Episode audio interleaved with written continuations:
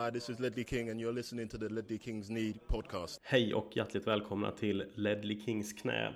Säsong 6, inspelning för det sista kvartalet av 2017. Um, ehm, idag är det jag, Robert Folin, som spelar inifrån Köpenhamn och med mig har jag ingen mindre än Marcus Håkman så här dagen efter vår eh, eminenta vinst hemma mot Bournemouth på Wembley. Är du taggad Marcus?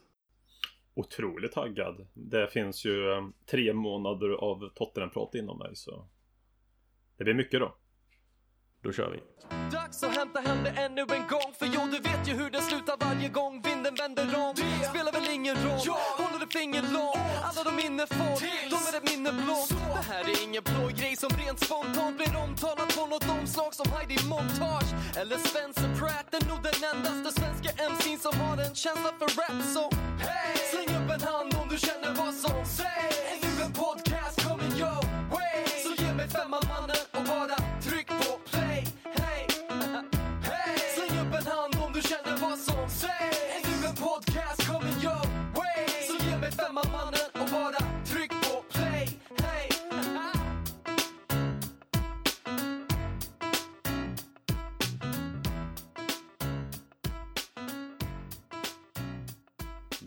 Som sagt, vi sitter här dagen efter eh, Spurs första hemmavinst på Wembley i ligan. Eh, 1-0 mot Bournemouth efter ett mål av Christian Eriksen. Det, var, det satt långt inne, Marcus. Ja, jag såg inte matchen i helhet när matchen spelades men jag har sett rätt mycket i efterhand. Eh, lite kanske 60-70 minuter sådär. Effektivt tittande. Ehm, tempot var väl inte det bästa i första halvlek. Tempot var väl inte bäst i andra halvlek heller. Även om det var lite bättre så var det ju en riktig sömnig 1-0-seger detta. Så mycket väl kunnat sluta på ett annat sätt. Ja, absolut. Ja, de hade ju chanser. Både hade ju förvisso Spurs också. Det kunde ju blivit. Ja, ja. Det borde väl kanske blivit mer egentligen än vad det blev. Men eh, oavsett jävligt skönt att äntligen ha fått en hemmavinst i ligan. Jag, jag tycker ju att vi har dominerat andra matcher med hemma. Burnley och, och eh, Swansea till exempel. Ja, absolut, absolut. Ja, Swansea var ju bättre den här matchen. spelmässigt än vad den Ja. här matchen var. Ja, precis. Så jag menar, då, det utifrån jag sa att vi lika väl kunde sluta på ett annat sätt sett till vår tidigare Ja, Wembley i synnerhet. Men att det var så jävla svårt att spela. Jag undrar vad det beror på det alltså. Det, Ja, det är jäkligt konstigt för det finns ju ingen... Ingen, alltså... Det, det är ju ändå bara en fotbollsmatch och vi är ju skitbra på bortaplan. Så det är, och det är ju egentligen bara en, en, en konstig bortamatch man spelar ja, för vi, ja, det är ytterligare en bortamatch liksom. Ja, Så vi borde vara jättebra där sett till hur vi spelar borta. Borde ju Wembley vara fantastiskt bra också. men Det har ju varit riktigt, riktigt bra borta i år. Ja, det har varit fantastiskt. Och det, det är ju konstigt att se hur annorlunda... Men sen är det väl förvisso också de motståndarlagen öppnar upp sig lite mer när vi... När vi spelar borta och... För det är ju till stor del det att du har eh, tio man som står i straffområdet, eller väldigt långt ner på egen planhalva och bara står där och vi har svårt att få upp passningstempot och är väl kanske inte riktigt så modiga i passningsspelet som vi skulle behöva vara. Vi spelar väldigt säkert hela tiden. Mm. Ehm, Sen, sen kan man nog sakna, alltså inte för att jag sitter och saknar det i övrigt, men just vad de tillförde till den. Vi har ju liksom ingen bredd i spelet. Vi har ingen, vi har ingen, vi har ingen fart på kanterna direkt upplever jag. Och vad man vill om Kyle Walker, Danny Rose. Nu sitter jag inte och saknar dem så, men de tillförde just den dimensionen. Att det var någonting att hålla koll på långt ut på banan så kommer fart. Eh, älskar Ben Davis och allt det där. Det är inget snack om det och han förtjänar att spela när Rose kommer tillbaka. Så det är en icke-fråga, men jag kan tänka mig att det kanske kan påverka i hemmaspelet. Eh, för vi kom, från, vi kom på så många olika sätt. De kom med bredden och kunde liksom... De måste, då var de tvungna att, bred, att dra isär sitt eget försvarsspel. För att kanske täcka upp på fler ytor. Nu kan de centrera mer mot oss och lyckas bättre med det känns det som. mm. Jag vet inte. Ja, det var en, men ändå tycker jag både Trippier och Fartongen ju- hade ganska bra matcher. Eh, Ja, ja. Men- Jag pratar helheten nu mer. Jag pratar... Nej, jag tycker också att det är ju inte dåliga alltså. Det, är inte, alltså. det blir ju konstigt. Men nu letar jag verkligen i liksom. Försöker hitta, hitta någon förklaring till varför. Nej, Det no, no, men något är, något är ju uppenbarligen fel. För det är ju Det är ju uppenbart mycket lättare i år att spela Att som, som lite sämre lag spela defensivt borta mot oss Och faktiskt Mm. Att det faktiskt funkar Medan gör du det mot Manchester City så står det ändå 5-0 i halvlek Mm. Eh, Och det är kl- klart De har ju en hel uppsjö av Alltså de har ju de har väl högre lönekostnad på sin bänk än vad vi har i hela vår trupp. Så det är klart vi arbetar Alltså, under olika förutsättningar men Det känns lite som Det som är lite frustrerande ibland är, det, det känns som att Vi nästan blir förvånade av att lag kommer och backar hem mot oss. Det finns ingen plan Mm. riktigt för det. Ehm, för, förutom att vi passar runt och hoppas att till slut ramla ett mål in. Och jag satt och försökte fundera på vad var det vi gjorde förra året annorlunda? För förra året Det var klart att lag kom till White Hart Lane och backade hem då också för vi var ju minst lika fruktade då. Vi var nästan ännu mer fruktade på På bortaplan förra, eller ja, på hemmaplan förra säsongen med tanke på facit vi hade. Men det kändes som att vi aldrig hamnade i de situationerna att vi var tvungna att liksom gneta fram ett mål. Det kändes som att vi var väldigt duktiga på att starta med hög fart och göra mål i första halvlek. Jag vet Och inte vad det är som är annorlunda. Jag kan, jag kan jag har tänkt på det där också, just som jag sa, det, det första som är bredden. Sen att Wembley är Wembley för motståndarna också. Det är kanske många där som kanske inte får spela på Wembley någonsin mer igen. Så bara få spela en match där kanske gör att de höjer sig någon procent. Och sen tror jag, alltså Tottenham och deras facit på Wembley, lika väl som det missgynnar oss så kanske gynnar andra. De kommer dit och känner att "Ja, men nu har vi chans. Alltså, det är bara att titta när liksom kronan börjar falla, falla på Old Trafford. Ja, När man, innan man åkte dit så var man nöjd om att förlora vi med två mål så är det helt okej. Sen börjar folk tro på det där och då börjar folk ta poäng och segrar. Delvis för att United blir ett sämre fotbollslag men jag tror det är mycket alltså, mentalt också till viss del kan jag tänka mig spelar in. Man Till kan vår underskatta nackdel den och till de andras ändå. för. För jag, jag är ganska snabb med att vifta bort det där med att det kan ju fan inte spela någon roll. Men det är... Ja, jag tror mycket på, den, alltså, på den här nivån, inte att det avgör hel, allting, inte för att det liksom är hela sanningen till eh, varför det är som det är. Men jag tror att det är en bidragande orsak Mm. till varför det är som det är. Bara, för liksom, vad är det som gör det? För det är ju inte så att vi har dålig form. Nej, absolut inte. Det, alltså mot Chelsea spelade vi ju speciellt. Då tyckte jag vi spelade bra fotboll. Vi, borde, vi som vi borde ha vunnit. All, egentligen borde vi ha ska, sopat rent i Premier League i år. Sett till spel. Ja. Låter kaxigt? Nej men, Ja, vi har ju spelat bra. ja absolut. Nu såg det väl inte så bra ut den här matchen. Vi har ändå vissa matcher. Vi har ju Nej, bränt mycket. Burnley också. Hur mycket brände vi inte där? nej, alltså Chelsea borde vi ha minst ett poäng mot och Burnley och Swansea borde vi ha vunnit mot. Ja, Och det är ju- då har vi ju- nästan, nästan sopat rent. Ja. Fem, fem poäng till där. Ja, och bortamatcherna som vi har vunnit, ja de ska vi ha vunnit. Mm. Det blev lite det är- stressigt då West Ham där på slutet. Så jag menar, det har bränts också sin i helvete mycket hemma. Och sen, Mm. jag tror det blir en mental sak. Så jag tror det här segern som vi tog mot Bournemouth här nu. Den var ju jäkligt viktig. Inför Mm. eh, vad som komma skall snart. Är Liverpool som vi alltid har problem mot. Och ja, Real Madrid det är ju Real Madrid liksom. Mm. Ja, Liverpool, men var- Liverpool hemma kanske kan vara en bra match att ha på ett sätt. För det är ju också ett lag som inte kan spela defensivt. Alltså Nej, de gör men vi har haft det. problem mot dem där. Ja, fan, Liverpool. Jag, jag tänkte, de sätter hög press på oss. Har vi inte alltid haft problem då? Sen såg man ju någonting mot Dortmund. Någonting Mm. annat som inte jag sett med Porsche förut. Att vi ändå spelar lite. Vi spelade på det.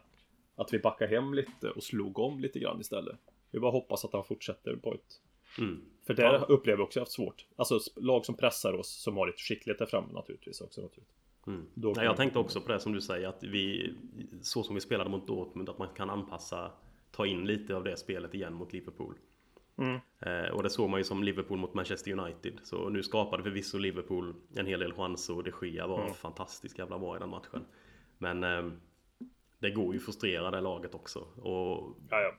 Klopp har väl också lite samma typ av Att han har sitt sätt att spela på och det är det han gör Mm. eh, Inte så mycket anpassning Det var jag kan Vad jag har sett i alla fall eh, Ofta därför då ingenting. De har varit så jävla bra mot topplag som faktiskt går framåt För då, då passar det spelet perfekt ja men Och försöka undvika Ja, den fällan Ja, men lite hoppfull mot Liverpool.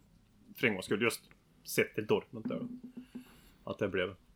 Men det var väl inte kanske det vi skulle prata om som jag kom in på här nu. Men det är lätt att, lätt att flyga iväg. Ja, men vi kan väl avsluta Vi kan väl avsluta Bournemouth pratet Mm. Men det är väl egentligen inte så mycket annat att säga än att det var förbannat skönt bara att vi Äntligen vann hemma och men jag har sett Jag, jag såg några artiklar efteråt om, som tog upp eh, Att Deli Alis eh, form fortsätter vara svag Jag tyckte faktiskt han var en, att detta var en av hans bättre matcher spelmässigt Mm. Jag tyckte han var väldigt inblandad längre ner i banan också och det är klart Han gör ju sin Han gör ju alltid det lite svårare än vad han behöver. Men det är ju så Mm. han spelar. Jag har svårt att... Det är klart man blir frustrerad ibland men samtidigt om han inte gör dem så får man inte de här gångerna när han liksom klackar bollen över huvudet och drar in en volley från 20 meter ut. Alltså, han måste ju få göra det. Mm. Eh, Men var han inte lite svag förra hösten också? Jo absolut, jo absolut. Så- han så började kom han- göra mål efter nyår och sen bara alltså, rasslade det in. Mm. Ehm, och han har ju ändå bidragit. Han har ju gjort några mål och några assist. Han har ju inte varit, han har ju inte varit meningslös att ha på planen.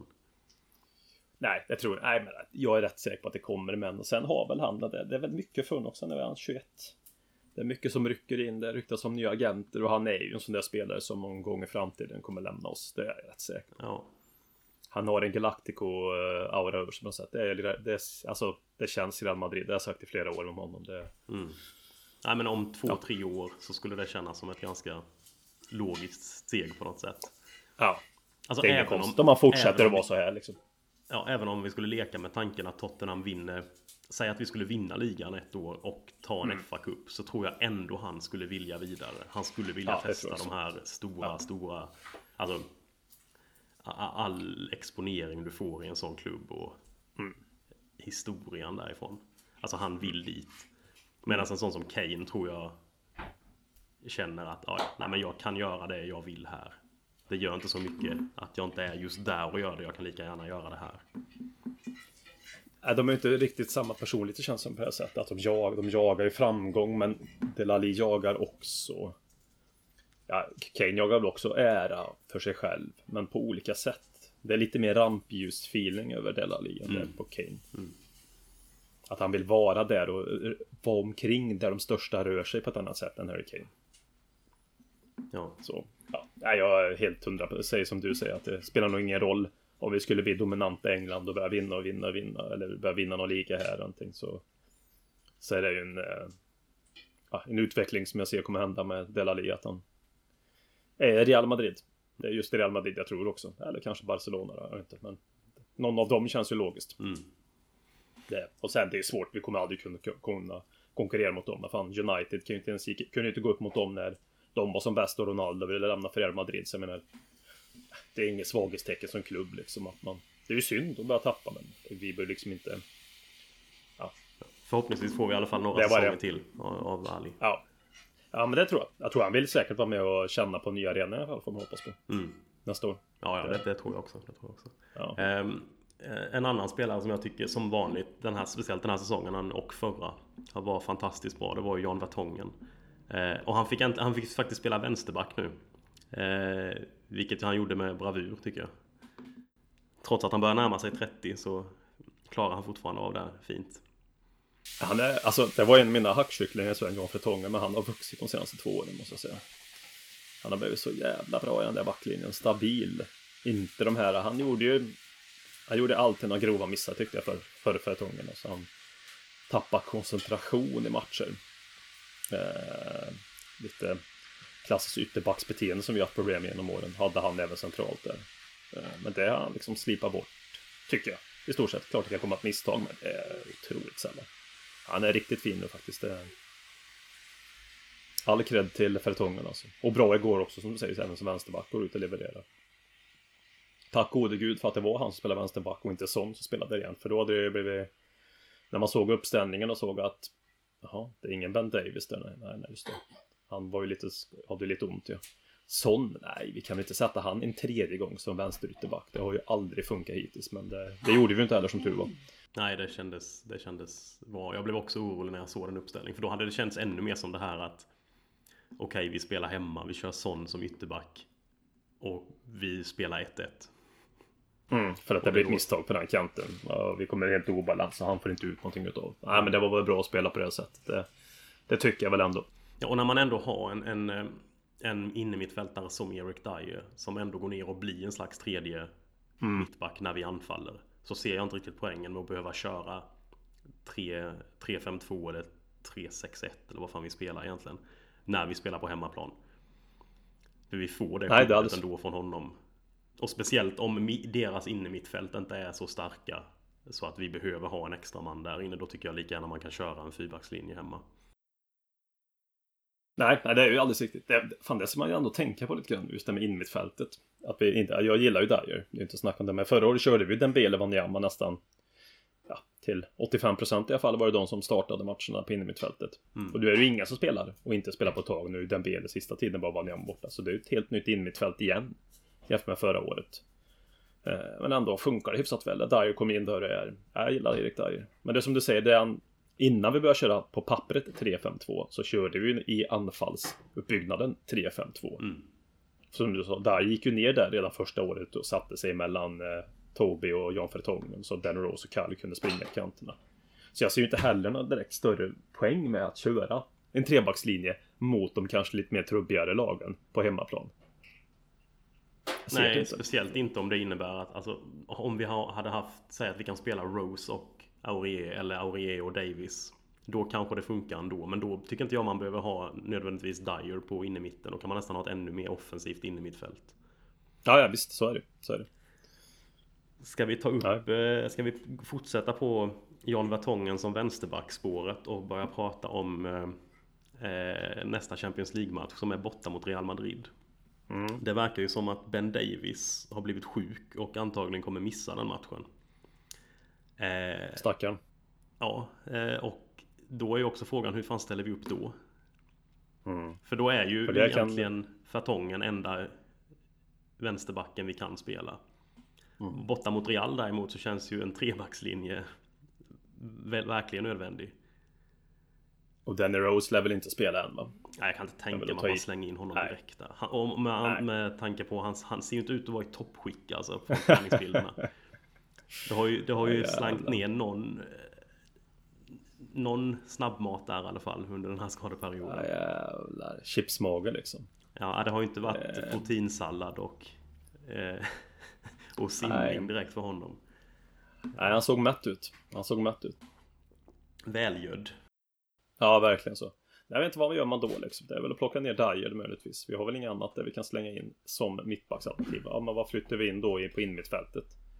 Är det Vink och Cissoko som ska vara där då? Ja, men det är ju där problemet blir också med tanke på att Wanyama inte kan Nej, högst och den antagligen inte kommer spela heller med tanke på hur lite han har spelat hittills i år. Nej. Så det blir, liksom, det blir en effekt av allting på något sätt sådär. Och det är det som är det fina i normala fall med att ha både Wanyama och Dyer. Det är att man kan flytta ner Dyer och ändå ha den här balansspelaren på mitten. Mm. Eh, men nu har vi inte det heller. Och Dembele har ju också, verkar ju också vara i lite han var väl på bänken igår va? Tror jag. Var han det? Ja, jag, tror det. jag kan inte svara på det. Jag kommer inte ihåg alls som han var det. Och... Men jag menar, då känns det ju som att det är Cissoko som får gå ner dit. Jag vet inte, vad har vi för andra alternativ? Om det nu är så att vi kör en trebackslinje förstås. Utgår ifrån det. Det är det som är diskussionen här. Kör vi med Kör vi med liksom en 4-2-3-1 då Då behöver vi inte fundera längre. Då spelar ju Dyer kvar där Dyer spelar och så Fertongen som vänsterback. Så är det naturligtvis men för det kan ju bli väldigt mycket då i sådana fall om vi kör 4-2-3-1 och Dyer går ner och får sjunka ner mycket. Kan bli mycket för unga Harry Winks att ta hand om då centralt på planen. Liksom. Ja absolut. Han, han, spelar ju inte mot några dussinlirare heller direkt. Nej, nej. Det, för det blir ju han som blir kompanjonen där, det kan jag tänka mig. Nej, jag hade fel förresten. Dembele var inte på bänken igår. Nej, nej. Så jag vet inte, kör vi trebackslinje då är det väl Cissoko och Harry Wings då. Alltså, vi har ju inte så mycket alternativ att stoppa in på mitten. För Eriksen flytta ner han så långt ner i banan som han är just nu i form. Nej, det vill jag inte heller. Han ska vara där uppe liksom. Nej, nej alltså, an, det enda andra alternativet är väl att spela både Aurier och, eh, och Trippier. Att en av dem får spela på vänsterkanten. Ja, det är sant. Det är sant. Det är sant. Det är alldeles riktigt. Den, äh... den ja, alldeles korrekt. Den är ju inte heller... Den kanske kan hända. Ja, det, det, det är kanske det minst dåliga egentligen. Det är ju inte en, det är ju inte en ja. kanonlösning. Men det är åtminstone bättre kanske än att helt att, att ta bort Dyer från innermitten. Ja, för det blir precis, för då gör man bara en ändring. Ja. Alltså, plockar med Dyer får man ju liksom, blir som en dominoeffekt på fler. Nej, men den, nej, ja, men den köper jag ju hellre. Det har jag alldeles riktigt. Den tänkte jag inte ens på. Flytta över någon av dem på vänsterkanten och springa istället. Ja, faktiskt. Det borde de väl. Det, kan ju, det finns väl risk för att det kommer bli en ganska defensiv historia för oss ändå. Så det kanske inte gör så mycket att eh, vi inte har en naturlig vänsterback där ute. Nej, nej det är alldeles riktigt. Nej, det ska bli, det ska bli jävligt skoj. Det känns ju verkligen Champions League nu på något sätt i år. När man fick den här gruppen man fick i år och folk var besvikna att med tuff grupp. Jag kommer ihåg förra året så kändes det ju som att vi var en Europa League-grupp. Nu gick ju Monaco långt men ja. Ja nej absolut. Det Jag var inte den coolaste gruppen. Det är, ju, det är ju de här matcherna man är i Champions League för. Man är ju inte i Champions Ja. League för att... Alltså med all respekt för Bayer Leverkusen så är det ju, det är ju roligare att möta Dortmund och Real Madrid. Ja, ja, absolut. Ja, men det är mycket. Jag är glad när vi fick den här gruppen. Ja. Mot vi kunde få annars. Just sett till förra året. Mm. Att det blir lite en utmaning. Få Real en dubbelmöte. Fan, det är ju skoj liksom. Ser man man står mot de bästa. För så pass bra har vi ju varit. Vad fan, vi är ju tvåa i Premier League förra året. Vi ska väl inte gå dit och... Alltså inte Real, men tänkte Dortmund då när vi var så rädda för Dortmund. De är bra, men vi blev tvåa i Premier League då. Så jävla usla kan vi inte vara. Vi får nog höja vår egen svansföring lite grann. också, Ja absolut. Ja och sen tror jag inte det att... eh, det- Jag tror inte det hjälper heller att åka bort och möta varken Dortmund eller Real Madrid och åka dit med inställningen att jävla vad det här blir svårt. Alltså för då är du redan lite i försvarsläge. Det, det som brukar ställa eh, större lag det är ju att man faktiskt möter dem lite med, eller visar attityden mot dem. Ja, Eh, att man agerar som en storklubb själv. Ja exakt, exakt. Jag menar man kan ju spela defensivt för det som vi gjorde mot Dortmund Men vi hade ju en attityd som sa att ja ja kom igen då vi Vi kan fan stå upp mot er Jag tänkte ju Dortmund, men jag måste bara ta. Den där offside-målet som vi blir räddade av där. Aubameyang Mm. skjuter. Är det mest tydliga onside någonsin som inte blev mål? Alltså det är helt sjukt. Tänk att få den emot sig. ja, det, Domaren, lin, alltså linjedomaren är ju, han är, känns som han är precis i linje. Hur fan kan han missa den? ja, jag vet inte det, Men den tar är vi bara tack ta Den emot. tar vi. Ja, den tar vi. Nej, jag, jag, bara, jag kan inte riktigt. Jag har tänkt på den ibland. Men jag, jag vill ha Nej, för mig att det var något annat Var det inte något li, eller det var inte lika bedrövligt för oss Men det var ett Hade vi ett mål eller var det ett läge vi fick avblåst också som var en tveksam offside eller Ja, Läge var det väl sånt Nej, eller, nej det var deras första mål va? Som egentligen också var Ja, det, är skott, det var ju skott utifrån där. Ja, men deras första mål som de faktiskt gjorde Mm. Var det inte en offside i uppspelet till den? Som inte gavs? Ja, kanske det var. För jag har för mig att jag, jag, jag är helt med dig på att de skulle ju fått det målet det andra Men jag kände ändå att ja, ja, där fick de för det första För det skulle de inte haft Alltså nej, jag, jag sket ju hit då. Jag njöt ju naturligtvis. Men jag bara tänkte det var så jävla tydligt. vad det jag reagerade på. Det är ju ingenting jag säger fair play att vi ska ge dem ett mål nu på bortaplan för att rätt ska vara rätt. Sonny ska springa ner och dra in den i Tänk, tänk, tänk den starten. Jävlar. Snacka om att skapa goodwill runt i Europa på något sätt sådär. Ja. Eh, Vi har ju ett, ett Real som började ju säsongen lite Ja tydligen pratade de om att de hade börjat säsongen ganska dåligt Jag vet inte riktigt det, hur man kom fram till det För jag satt här och tittade nu på deras resultat och de har förlorat en match på hela säsongen Ja. Och spelat två kryss Det är tydligen katastrof ja du är precis som oss.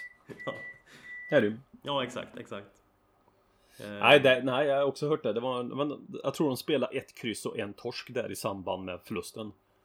Och så förlorade de mot Real Betis hemma och inte gjorde mål. Det var typ första hemmamatchen på över 40-50 matcher någonstans som vi inte har gjort mål på. Så nej. då, det blir ju snabbt kris i vissa lag om man säger så. Ja, nej, för jag tänkte på det när man har när följt snacket kring Real Madrid så nu då när matchen kom så hade jag i huvudet sådär, fan det här är ju perfekt timing för Real har ju inte varit bra. Så jag gick in och tittade på resultaten, bara de har ju för fan vunnit typ fem matcher i rad. liksom är det... Ja. nej, Nej, det, är, det är ju snurrigt. Och de vann ju igår mot Getafe med 2-1. Gjorde mål i... Avgjorde då i 85 Ronaldo. Mm. Ja, Så nej men fan det är väl... En poäng där så är man väl ganska nöjd så här på förhand. Ja, ja, abs- absolut, absolut. Ja, den bortamatchen är ju så det går ju inte Det går inte att hänga för mycket. Det är bara ja, gå ut och hoppas på att man kan stå upp och göra en bra match mot dem. Jag hoppas de tar vara på tillfället för det är ju liksom Det är de coolaste matcherna att spela på. Ja. För fotbollsspelarna själva tänker jag i Tottenham att de tar vara på tillfället och Och njuter av det här alltså. För det är ju ändå Champions League, Real Madrid borta. Det blir ju inte så mycket Större som fotbollsspelare kan tänka mig. Harry Kane, Harry Winks, Eric Dyer. Det är det här, man, det är det här de kämpar för liksom. Att spela större matcherna så Hoppas de Ja Det känns som vi har lite vinnarskalle även om vi inte har vunnit någon trofé än i Tottenham det känns som vi har de spelarna som kan växa i de här matcherna Inte gömmer sig utan går in och gör bra insatser liksom. Absolut, det är väl den attityden man måste gå in med för den här matchen. Att spelarna får veta att liksom ut och kör bara. Detta är vi har allt att vinna. För det är det Real kommer ju få kryss hemma mot Tottenham. Då kommer det bli lite sådär. Vad är det de brukar vifta med? Är det, inte- är det är det de som brukar köra de här vita? Eh, Ja. Eh, vad fan är det de viftar med? Det är inte flaggor va? Är det någon? En jävla vit näsduk den jävla slaget. Ja just det, näsdukarna är det som åker ut. Vi tar ut Terry Kane i 85 efter att han gjort fyra mål och så bara står alla där. Ja, han får en Ronaldinho-behandling. Det var väl han som fick en stor Ja, ovation när han byttes ut där i natt. Ja. Derby. Det är Harry Kane och Ronaldinho. Och så är han fortfarande överskattad efter det, Harry Kane. ja. ja, det är one, one career wonder som jag kallar det. Ja, precis. Han gör bara mål mot dåliga lag och han snubblar in dem. Han har öppet mål. Ja. Han, skjuter, han gör bara Men mål alltså- på långskott och bara nickar. Och bara med vänsterfoten, bara med högerfoten. Mm. Ja, det är bedrövligt. Men han, snacka om en spelare som verkligen har fått... Det har jag tänkt på med engelska talanger överlag. Så behövs det ju inte mycket för att de ska bli håsade. Engelska talanger. Men med Harry Kane, han har ju ändå fått smyga under radarn jävligt länge. Det känns som nästan först nu, senaste tiden. För mig i alla fall, det är klart. Vissa har ju förstått att han är duktig, men det känns som han har fått smyga under radarn extremt länge alltså. För att bli den här riktiga stjärnan, engelska hoppet, The Lion alla hoppas på. Han ska bära oss i VM hit och dit. Eller har jag fel? Nej, jag håller med. Jag håller med. För det är ju, om man tar de tidigare som Rooney och, alltså säg Rooney, Gerard, Beckham. Och sen har det väl funnits en hel hög med så här falska hopp som har funnits sen dess. Ja, ja Men visst. då, inte har där räcker det sådär, han, gjorde, han har gjort ett mål som inhoppare för Manchester United. Han ska fan vinna VM-guld åt oss. Mm. Men du har ju helt rätt där. Kane känns Men just när det gäller landslaget med för mycket av förväntningarna på engelska spelare kommer väl i samband med att när de börjar dyka upp i landslagen. Ja, så är det så är. Eftersom att inga där de- brittiska lag hoppas på att andra brittiska lag ska göra det bra i Europa. Så det är ingen som sitter och tänker så här, fan vad jag hoppas att Harry Kane gör hattrick ikväll mot Dortmund. Nej. Eh, Men när de spelar i landslaget, det är då de här helt sjuka förväntningarna kommer. Mm. Men det finns, jag tror, jag tror till och med det har gått så långt nu för Englands landslag att de börjar faktiskt tro att, för de har ju lite, de har ju antingen är det ju, eh, antingen så är ju förhoppningarna VM-guld eller så är det att man knappt ens ska ta sig till mästerskapet. Det finns ju ingen, ingen liksom det finns ju inga rimliga förväntningar i det landet. Och nu tror jag fortfarande, nu tror jag de är nere lite på den här att vi tror inte på någonting alls. Vi kan inte... Vi kan knappt kryssa mot Tyskland hemma liksom. Och det kanske är bra för dem. Det är väl så av en anledning känns det som också. De, jag hörde någonstans att de sa, vad som uttalade sig, att nu gick de vidare till VM. Och de var besvikna över det, för nu blir det två, en månad utav bara massa jävla besvikelser och förnedring till sommaren. Ja. Så det, det ligger väl någonting i det du säger, att det är väl åt det hållet det som de liksom lutar åt nu. Det är inte VM-guldhysterin. Det var väl mer under den här gyllene generationen som de pratar så mycket om med Lampard och Gerard och Scholes och Rio Ferdinand. Ja, du vet. Den, det gänget så att säga. Då var det väldigt mycket VM-guld, minns jag. VM-guld och EM-guld och allt. Men jag bara tycker han fått bevisa länge Kane för att han för att han ska liksom bli erkänd för den fantastiska anfallare och fotbollsspelare han är liksom. Jämfört med många andra. Ja absolut. Man kan ju, man kan ju tycka att två skytteligasegrar på rad kan liksom vara fog nog för att få bli erkänd som att ah, men han är nog ändå ganska bra. Det funkar ändå liksom. Men då har det alltid funnits en anledning. Han har inte gjort det till Champions League, han har inte gjort det till mästerskap. Alltså det har alltid funnits, som de har sagt det, någon anledning så liksom. Han har bara gjort det mot Crystal Palace eller vad fan som helst nu då, liksom det. Nej, han är på riktigt. Han är så jävla komplett liksom, så det är helt sjukt.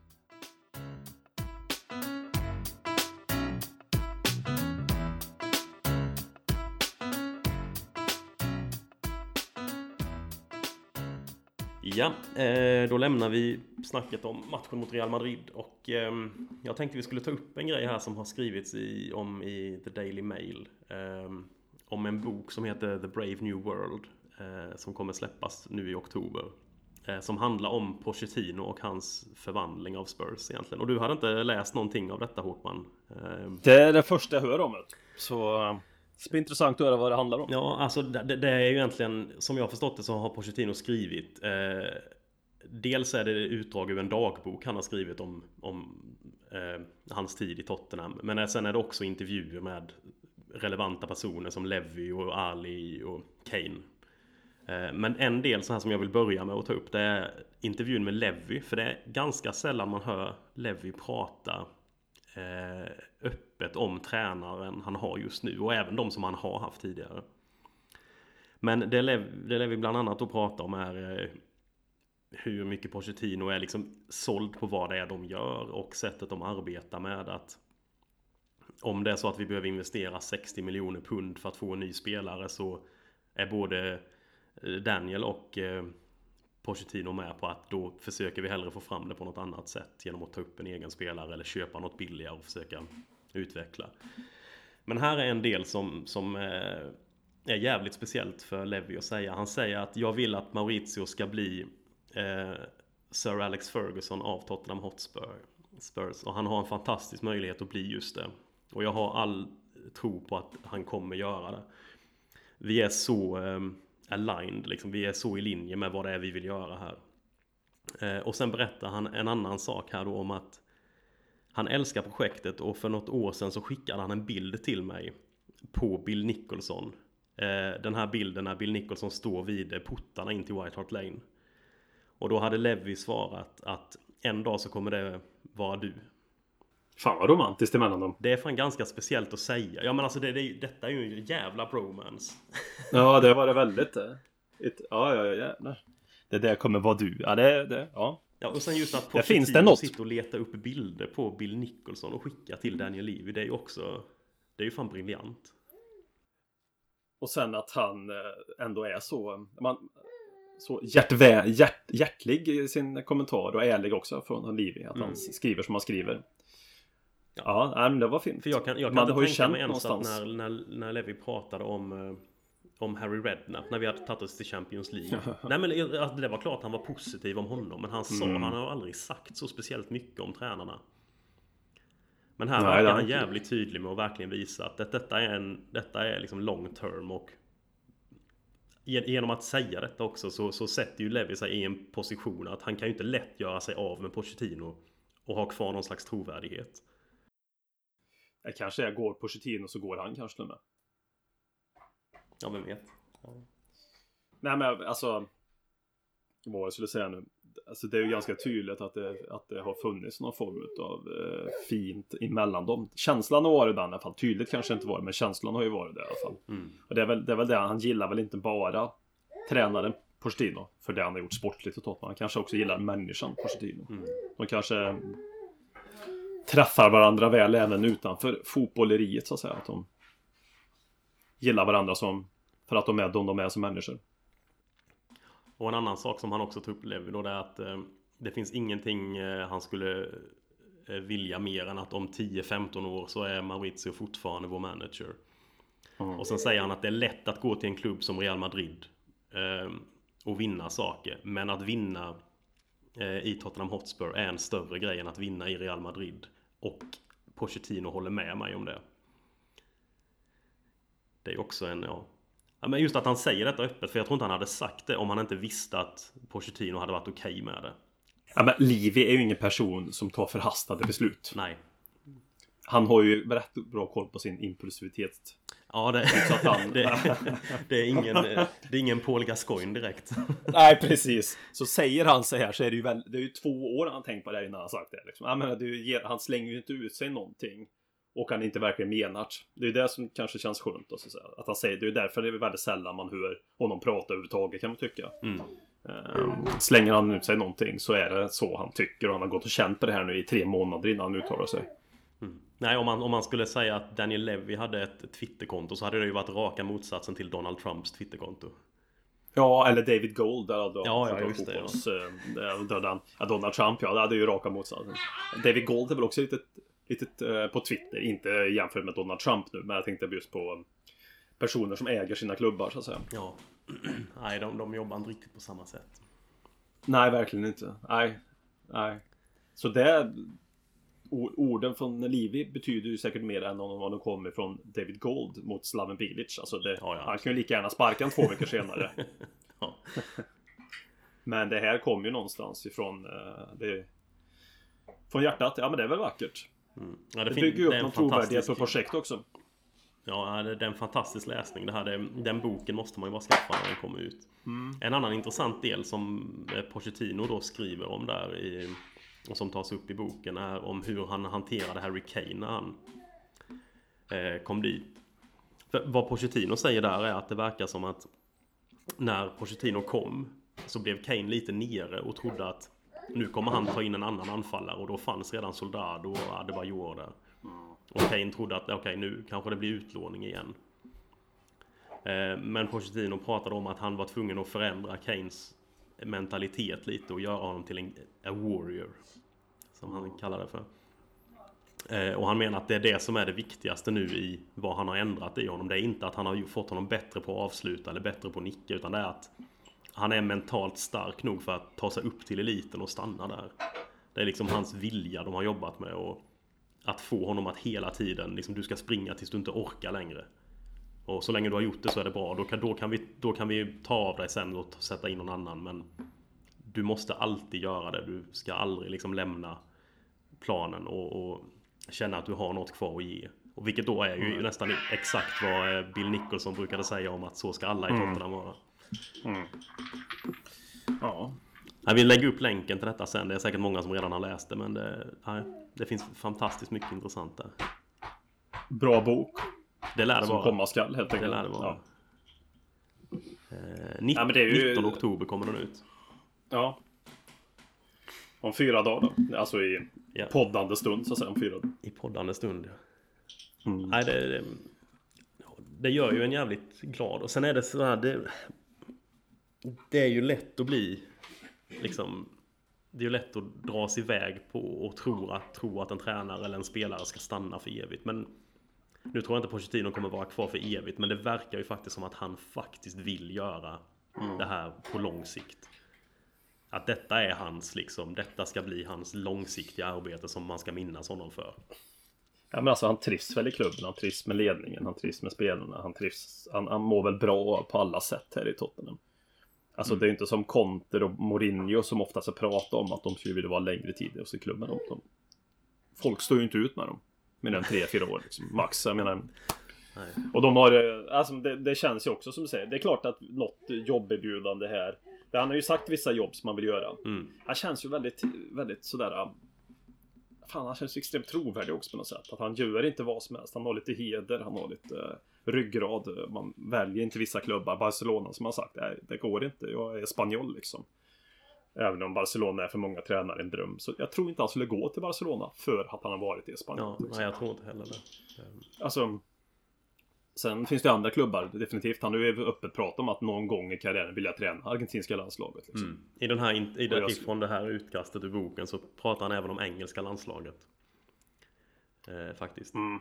För han pratar om att han han, gärna gill, han gillar eh, mentaliteten eller det som är traditionellt brittiskt och han skulle Mm. vilja jobba med och försöka få ut det i liksom den den här gener- eller den existerande generationen också. Och det är ju inte bra. Det vill man ju inte. Eller?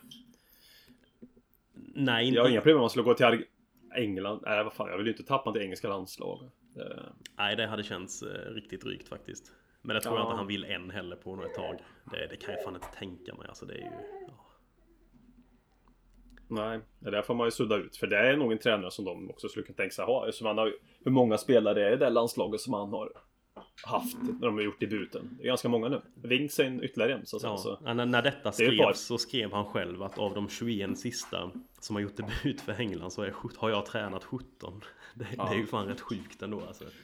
och börjar börja engelska folket få in sådana statistik i huvudet och FA börja fatta grejer. Då, då är det nog väldigt många som kan tänka sig, "Men vad fan. Det är nog en tränare vi ska kunna ha även om man inte är britt liksom. Fast det man, kan, det man kan hoppas på det är ju just att det är FA som ska ta det beslutet och att de är helt oförmögna till att fatta beslut som är någorlunda rationella. Så hoppas man att de inte vill ha en argentinare heller. Ja, tänk nej, historiskt, exakt. tänk Falklandskriget och det där. Vad fan. Ja, nej. Det går ju inte. Det får man ju också hoppas någonstans. Oavsett hur mycket, mycket bra grejer Pochettino har gjort för, för engelsk fotboll och plockat fram vissa spelare till landslaget. Sådär. Förädlat talang. Nej vi får, vi får Eller bygg- att, att minnet av Falklandskriget eh, består. Låt det aldrig försvinna. ja, det är viktigt med historia. Ja, det är det absolut. Man, man får aldrig glömma. Och viktigt, vikt, viktigt att inte förlåta heller. Ja, absolut, absolut. Nej, dra alla över en kam och sådär också. Så jag menar, det, Ja.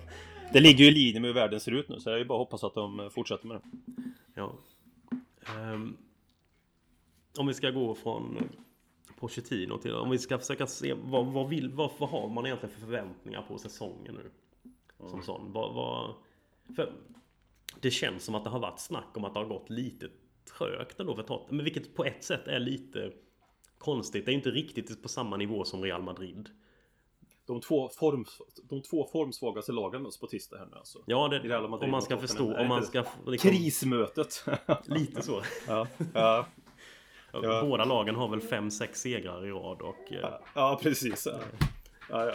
ja, nu är det, det är kniven på strupen för Zidane och Pochettino här nu. Nej men visst, för det är inte bara jag va? För mycket av det man har läst sista tiden är ju sådär Okej, om Tottenham inte vinner saker då kommer alla vilja lämna och bla bla bla. Men vi har ju för fan, vi ligger ju trea. Vi ligger två poäng efter Manchester United som tydligen är sådär. De har ju haft en helt vansinnigt bra start. Det är ju folk överens om att de är ju... Usch, nu jävlar vet du. Ja, det är gamla United. Ja.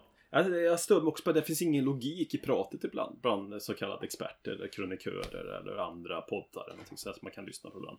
Alltså man borde ju också lägga till i beräkning att Tottenham, Manchester United, Manchester City i synnerhet om vi ska ta de tre, eller Chelsea.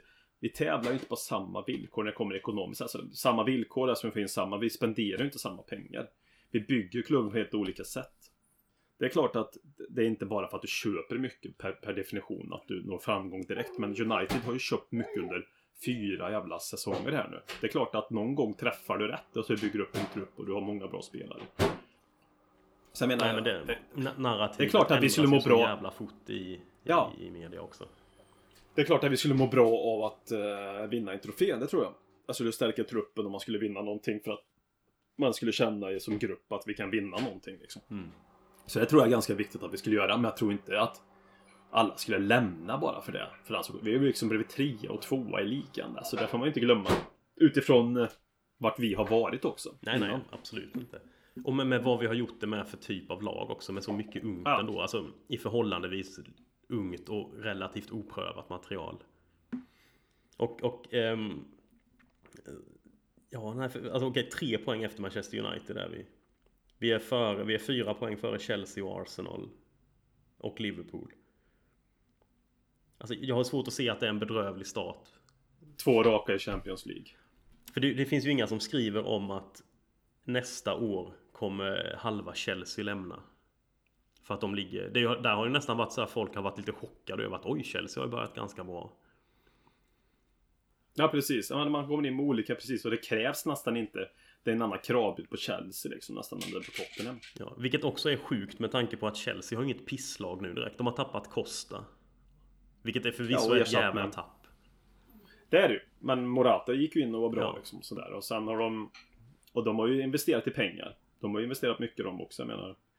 Sen är de ju dumma i huvudet och säljer Matic till United då. Att de säljer Matic kan man väl göra, men att sälja till en konkurrent, det är ju liksom... Alltså det är ju korkat. Hur dumma i huvudet är de inte? Ja, nej, det, det är ju Saknar de, saknar de hjärnceller alla den här klubben eller? Det är helt sjukt.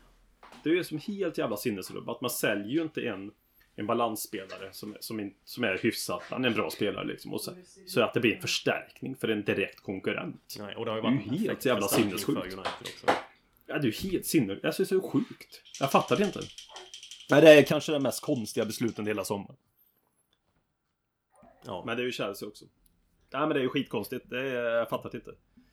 Ja, visst, nu sålde vi Kyle Walker, men, men det var lite under lite andra premisser kan jag tycka visserligen. Så. Ja, ja. Absolut.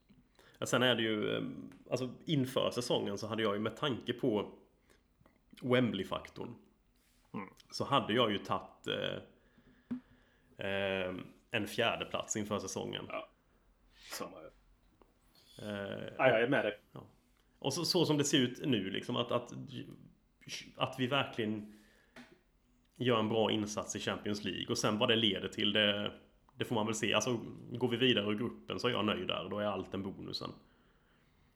Eller ja, går, jag vid, går vi vidare ur gruppen så är man ju nästan mer än nöjd med tanke på vilken grupp vi har fått. Då är ju det liksom ett riktigt bra resultat. Ja, men jag, jag tycker väl någonstans som du säger, topp fyra är man ju fullt nöjd med. Gå vidare i gruppen Champions League så man känner att man har utvecklat det även med en tuffare grupp. Så är man ju fullt nöjd med det. Och sen bara liksom för att få det här lilla bonuset vinna en kupp liksom. Ja, jag, är, ju- jag vågar väl påstå att både du och jag är, är väldigt kära i FA-cupen. Det är ju den man vill. Den vill man ju ta. Ja, ja. Det är ju den jag pratar om indirekt utan att säga FA-cupen så är det FA-cupen man vill vinna liksom. Det, eh, det, då känns det ju så på riktigt liksom på något sätt också. Ja men tänk att vi gör det. Vi kommer topp fyra. Vi får börja nya hemmet med att spela i den där Champions League som är så viktigt för att få spelare att stanna och allt det där. vi går vidare i Champions League, vi går vidare för gruppen så är det okej. Okay. Då kommer alla tycka att det är okej okay, runt omkring. Jag menar sett vilken grupp vi var i. Och så kunde man bara sätta pricken över i sista matchen i säsongen. Ta en, ta en fa Cup-titel mm. på, på Wembley liksom. Ja. Då är det... Det är ju det som är, det är lite det trista med att vi spelar på Wembley nu. Det är ju att att gå till fa Cup-final och få spela på Wembley är ju inte speciellt längre. Det är bara jaha nu ska vi till den där jävla arenan igen. Wembley har ju blivit allt som Wembley inte var för oss innan. Wembley var ju någonting positivt för Tottenham. Mm. Fram tills Men det var ju gamla Wembley. Nya Wembley är ju skit. Gamla Wembley var ju fint. Och där har vi återigen det att... Fan, varför var man tvungen att bygga nytt för? Låt det se ut som det en gång såg ut. Det som möjligen är bättre med en final på Wembley det är ju att att det faktiskt är lika många av båda supportrarna där. Att det blir, en annan, det blir ett annat tryck för du hamnar mycket mer kompakt med dina fans. Mm. Eh, och du slipper Ja, att du blir, det blir för utspritt så som det är nu och det är svårt med stämningen blir inte alls densamma. Eh, nej, exakt. Nej.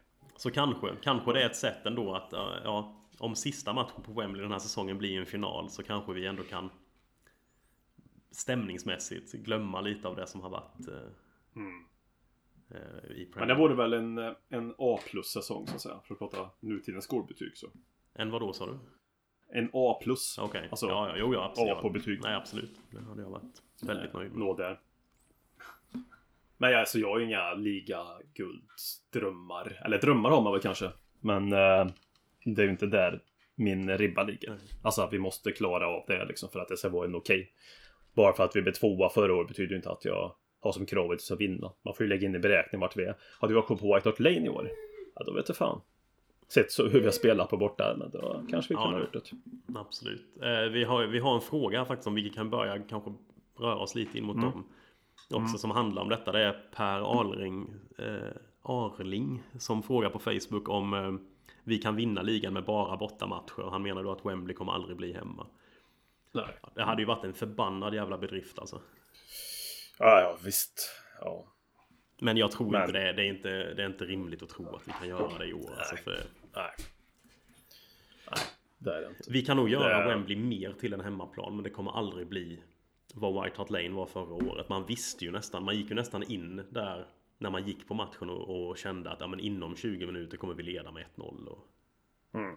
och det hände ju oftast. Vi var jävligt Återigen. starka det mentala som jag pratade om innan. Det som inte du riktigt trodde på. Alltså, mm. du gick in innan Tottenham, du som inte spelar. Jag kan tänka mig att spelarna kände samma sak mm. liksom. Och motståndarna de kom till White Hart Lane att vad fan, här blir det jobbigt. Här möts vi av en tät publik, full fart, Tottenham som pressar, mycket kvalitet. Likaväl som när vi kommer till Wembley nu, Tottenham känner vad fan, det är stort, det är lyftigt. Större plan, vi har dålig statistik, motståndarna kommer, Wembley, helt var här, vi kan sätta press på Tottenham. Helt andra förutsättningar liksom. Jag tror att det spelar roll. Mm. Jag tror att det spelar väldigt stor roll. Jo, no, no, det, det gör det. Det var mer det jag tänkte innan var att jag, jag menade att det borde inte ha spelat så stor roll som Nej. det gör. Men uppenbarligen så gör det ju det. Antagligen det. Ja, ja. Eh, per frågar också om Sissoko, att vi måste ta upp eh, honom. Är han dålig eller är han riktigt dålig? Frågar han. ja, Ja, då är han väl dålig då i år kanske? Ja, men alltså han har ju ändå... Det är ju fel att skriva upp det som att han har varit lysande i början på säsongen. Ja. Men han har ju varit duglig liksom. Han har ju... Kanske att han ändå kan ha en roll att fylla. Han går att använda i år känner ja. Det är det. Han kommer in och kan vara användbar liksom. Mm. Men det är ju ingen... Eh, ja, star player så direkt. Men det är en användning... Ja, helt okej. Okay. Mm. En truppspelare. En dyr, dyr truppspelare. Mm. Jag vet inte. Vad känner ja, nej, nej, men det är väl samma där. Alltså att det, det går som du säger faktiskt att använda honom. Förra året kändes det som att man slängde in honom och det var... Man kunde lika gärna bara tagit av honom man bytte ut. Mm. Uh, och, men mm, sen kommer väl med självförtroendet också lite. För han, han har ju ändå gjort en del eh, liksom aktioner som har varit faktiskt rätt bra nu. Och det kommer mm. väl med ju mer han kan göra det. Och Sen jag vet inte fan hur mycket man kan ändra i, ja kanske att Pochettino kan få honom att passa in bättre i, i spelet och utveckla det lite men ja. Jag tror han kan vara duglig i år men jag, kan, jag har svårt att se att om fyra år så kommer vi sitta och säga att eh, fan nu gör Sissoko sin sjätte säsong i Spurs och vilken jävla värvning det var. Ja, nej, nej den... Men jag tror, Tveksam- jag tror, han, jag tror ändå han kan få upp det till att ja, ja, det var inte så illa när han sticker, när han flyttar tillbaka till Newcastle. Nej, precis. Helt okej. Nej, men det känns ju bättre. Han är ju liksom en spelare som ändå, visst, släng in en starta några matcher i Premier League. Det är helt okej liksom. Det och det är för, för att det är ju liksom en förbättring på, på ganska många nivåer jämfört med förra året. Mm. Han vann ju lite cred också när han gick upp mot eh, Mark Noble mot West Ham. Eller den här när han står och trycker Mm. ner honom i marken. Och... Fy fan vilken antifotbollsspelare det är alltså, Mark Noble. Helt jävla sjukt. Och det, det är ju en sån där spelare som många i England har sagt. Tänk det, som de det säger, det är konstigt. Han har aldrig fått gjort en landskamp. Nej, det tar fan för att han inte fått gjort det liksom. Ja, nej, tacka fan för det. det... Ja. Ja, jävlar, jävlar vilken, nej. Alltså helt sjukt. Ja, det, ja. Han gillar man inte. Nej. Vi kan gå vidare med frågorna här. Vi har fått in eh, Mm. Peter Hector fråga via Twitter. Vad, vem hatar ni mest? Wembley eller Danny Rose? Ja. Jag vet inte fan. Fan vad konstigt att säga Danny Rose, ja, men han... Ja, det är Wembley för mig i sådana fall. Ja, jag säger Wembley också. Jag har... Jag har inte, jag har inte helt släppt Rose. Och jag tycker på något sätt att det är rätt att han... Om han får det svårt att komma in i elvan igen. Och att jag ser, jag ser ju väldigt gärna att Davis fortsätter spela så bra att Rose aldrig kommer in. Ja, ja. Rättvisa på något sätt. Ja. Karma på något sätt också. Det... Exakt, men å andra sidan så jag tycker inte Rose har bränt sig fullständigt. För en del verkar ju nästan vara som att det är liksom kört för honom. Eh, Men är det så att det finns någon sanning i att Rose vill bort, då tycker jag man ska bara skicka honom. Ja, för så... ja, Och sen... Alltså han, han pratar så jävla viktigt om att man ska sköta sig. Det är viktigt att få rätt spelare och projektet ska framåt. Och så kan inte han sköta om sig själv när han är skadad verkar det som. Det kan störa mig också på mycket. Alltså inte bara det här, de här bilderna som kom ut att han var väldigt... Han lagt på sig lite. Ja, Det var en och en halv Danny Rose nu, inte bara en Danny Rose. Och det- stör mig, det stör mig. Det är jävligt respektlöst. Alltså han pratar om professionalitet, få in spelare som man inte behöver googla hit och dit. Och nå framgång, han vill vinna titlar och så kan han inte sköta sig själv ens när han är skadad. Det, ja, Nej. det blir lite konstigt. ja nej, jag håller, helt, håller helt med. Det är ju en konstig jävla timing på en sån sak också när du inte har spelat på ett halvår och gå ut och prata om att Ja. jag inte får den lönen jag förtjänar. Nej. Och samtidigt som man pratar om det sitter han med, dill, sitter han med två påsar dillchips i handen. Liksom. Det måste han ha gjort liksom. Så jag menar, då blir det också jävligt konstigt. Ja. Det blir liksom, alltså... Han vet hur alla ska göra, man vet inte själv vad han ska göra liksom. Han har ingen självrannsakan och självinsikt alls för fem öre. Och det stör mig, alltså gärna för mig, att Ben Davis fortsätter vara så här bra. Får spela hela tiden. Och han förtjänar ju för att fortsätta Ben Davis. Danny Rose ska inte komma dit och ta en plats nu som helst. Då ska ju Ben Davis spela ur sig ur laget i sådana Mm. fall. Men det, eller så får Danny Rose hoppa in som Ben Davis gjorde förra året. Ibland när Ben Davis måste vila. Ja. Nej, det hade ju varit jävligt hårt. Det hade ju sänt konstiga signaler också om. För Ben Ja, nej, Davis men har ju varit en av våra alltså, topp fan topp Ja. tre spelare i år hittills. Ja, ja, det går ju inte. Visst, och sen var ju Danny Rose innan skadan var han ju sjukt jävla bra i den svängen. Alltså. Ja, ja, det var han ju. absolut. Han, han lyfte ju, han var ju Ja, ja. nästan nummer ett där och då. Men det betyder, alltså addera in hans jävla skitsnack. Hur han ser ut när han kommer tillbaka. Ja, fan. Han ska, han ska ju inte bara få komma tillbaka hur som helst. Och sen att Ben Davis så var det bra. En sak om Ben Davis så var det katastrofalt. Och kanske man blundar för sånt. Och för att Mm. framgången är så viktig att han får spela. Men nej. Nej, nej, nej, nej. Nej. Det ska vara svårt för honom att komma tillbaka. Alltså. Enig. Eh, Simon Finne frågar på Twitter. Vem i podden vinner Robinson och vem är programledaren? Då Ja, får jag vi väl nästan direkt. plocka in, eh, då får vi Ja, väl plocka in eh, alla som har varit med i podden. Ja. Programledare. Jag vet inte. Ja, Jag tänker ju Fryken. Per är ju... Ja, eller Robin också Ja. i och för sig. Per kanske mer är den som liksom drar i trådarna i bakgrunden och får, och får konflikten att dyka upp. Och Robin är den som kommer dit. Ja men kolla, här bråkar några. Mm. Jag vet inte. Ja, jag kan ju dra ut mig själv från vinsten direkt. För jag skulle ligga i magdropp efter fyra timmar. Jag behöver mat ju, så jag... Ja. Robinson, det är ju också en jävla fråga. Vad fan, går det fortfarande eller? Jag vet inte. Fan, tänkte på Robinson. Ja, det var bra. Ehm, jag vet. Programledare, vem är det här då? Det kanske vi sa. Ja, Vem har vi som Jag programledare? tror det måste bli Robin.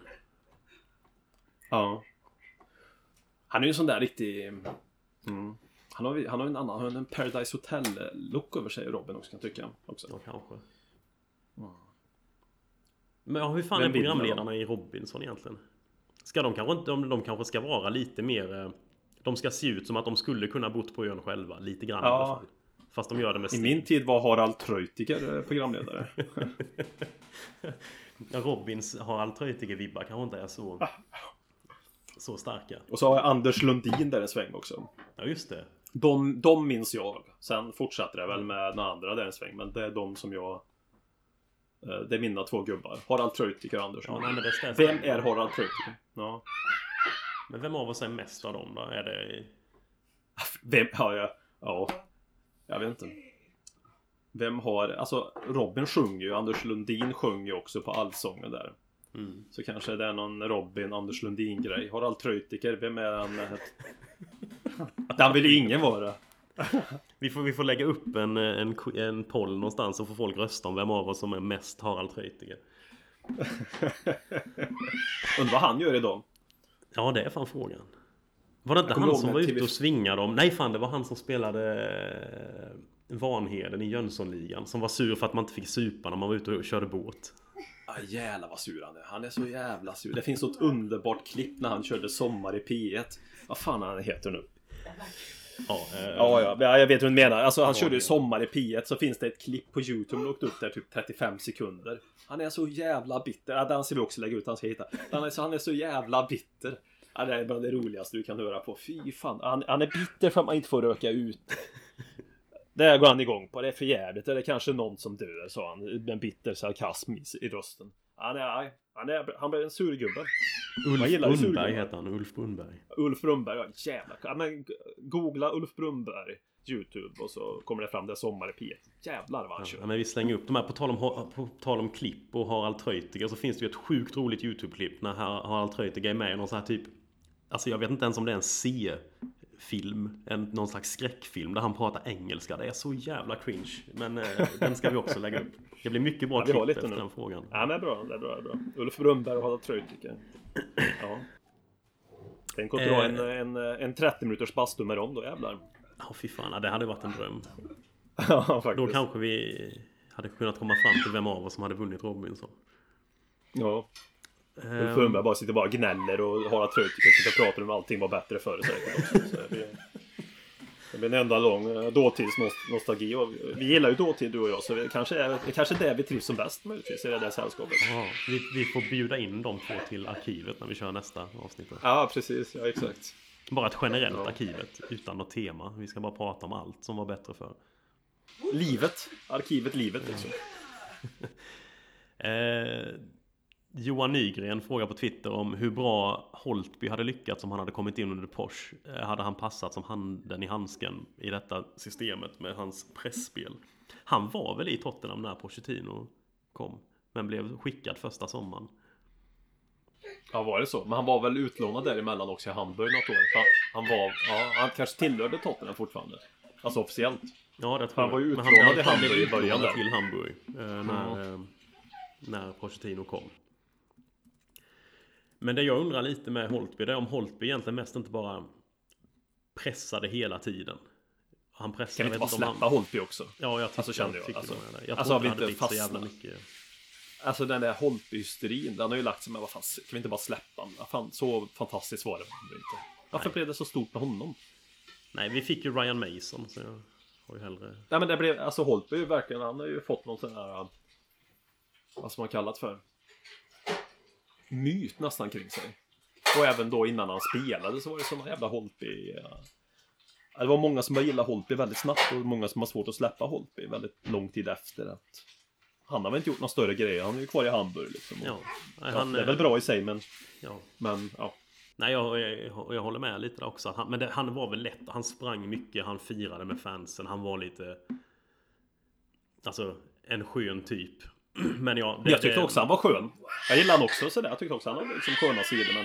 Ja, fan, jag, jag har inte tänkt på Holtby på 365 dagar tror jag liksom. Alltså. Och vissa tänker på Holtby. Nej, nej, jag har ju hellre jag Harry tänker nu än vad jag har Holtby i Tottenham. Ja, eller som du sa, även om han inte är kvar och hoppas allt går bra med Ryan Mason Ja. liksom också. Där, han tänker man ju ändå oftare mer på, även innan han har åkte på skallbensfrakturen där så att säga. Absolut. Eh, Ja, Vi har... Eh, vi har väl rört, berört den här frågan lite innan. Det är Mikael Fil som frågar om Dyer, Wanyama och Dembele är tillgängliga för spel. Vilka bör starta då? Vi har väl lite rört vid det tidigare. Dyer Dembele säger jag, men jag måste välja här på raka. Ja, han ska ju alltid starta. Om han kan i princip. Jag tycker Wanyama är bra, men alltså jag är blandad då. Men, ja. Nu är jag ju hård. Men alltså, jag är svag för Dyer Dembele. Jag tycker de har klickat så jävla fint ihop också. Nej, enig. Det, låter, det du? låter som att Noah kanske vill ha lite uppmärksamhet där. Eller? Det, Ja, hörs han i vår bakgrunden? tredje medlem. Ja, det jag tror han har. Ja. Jag har åkt med lite nu, jag visste inte hur väl det kommer upp. Ja, då får man väl Noah, Noah med. Sju månaders Noah med och... Han är en bit ifrån där. Han sitter i någon form av eh, rallybil som jag hade när jag var liten. Nej, hos min mor här. Ja. Så det finns ju kvar barnsaker sedan jag var liten här också. Fint. Hållbart. Hållbart ja, det som byggdes där och då 79 det är hållbart. Men det, jag kan ju säga att färgerna är inte så fina. Det är brunt och gult.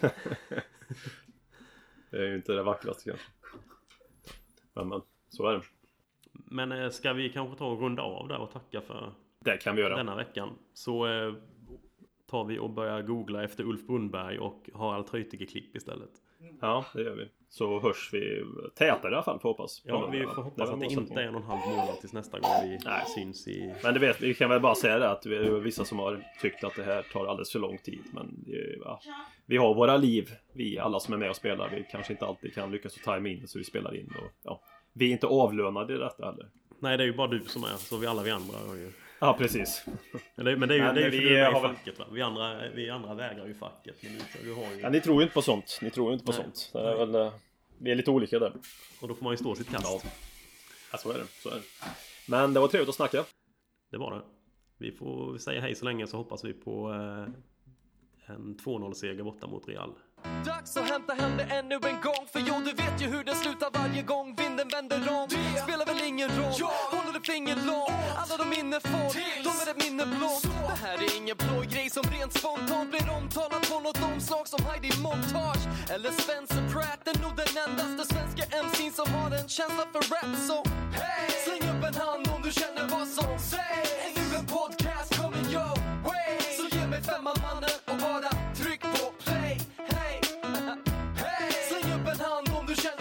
Say.